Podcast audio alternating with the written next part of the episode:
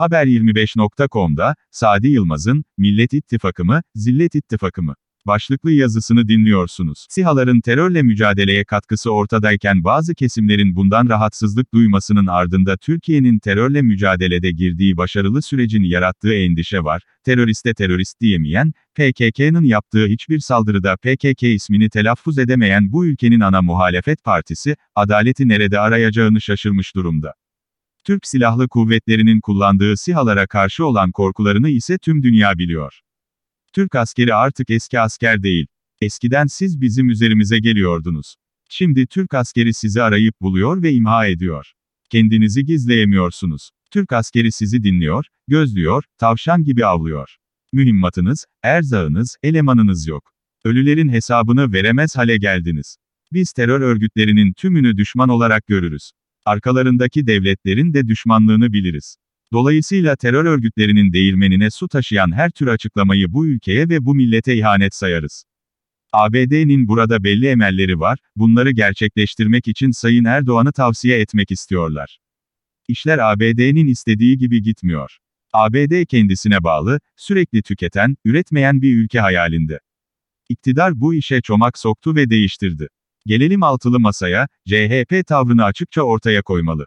Terör örgütlerinin hamisi bir parti mi olacaklar, yoksa terör örgütleriyle mücadele eden kendi devletlerinden yana mı olacaklar?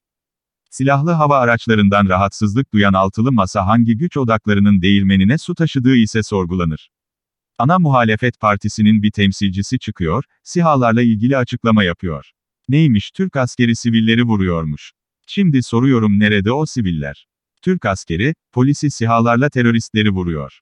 Silahlı kuvvetlerimiz, terörle, terör örgütleriyle mücadelesini sürdürecektir. Ey altılı masa siz kimlerden yanasınız teröristlerden mi yoksa bu ülkenin güvenlik güçlerinden mi? Bu kadar güvenlik güçlerimiz şehit oldu.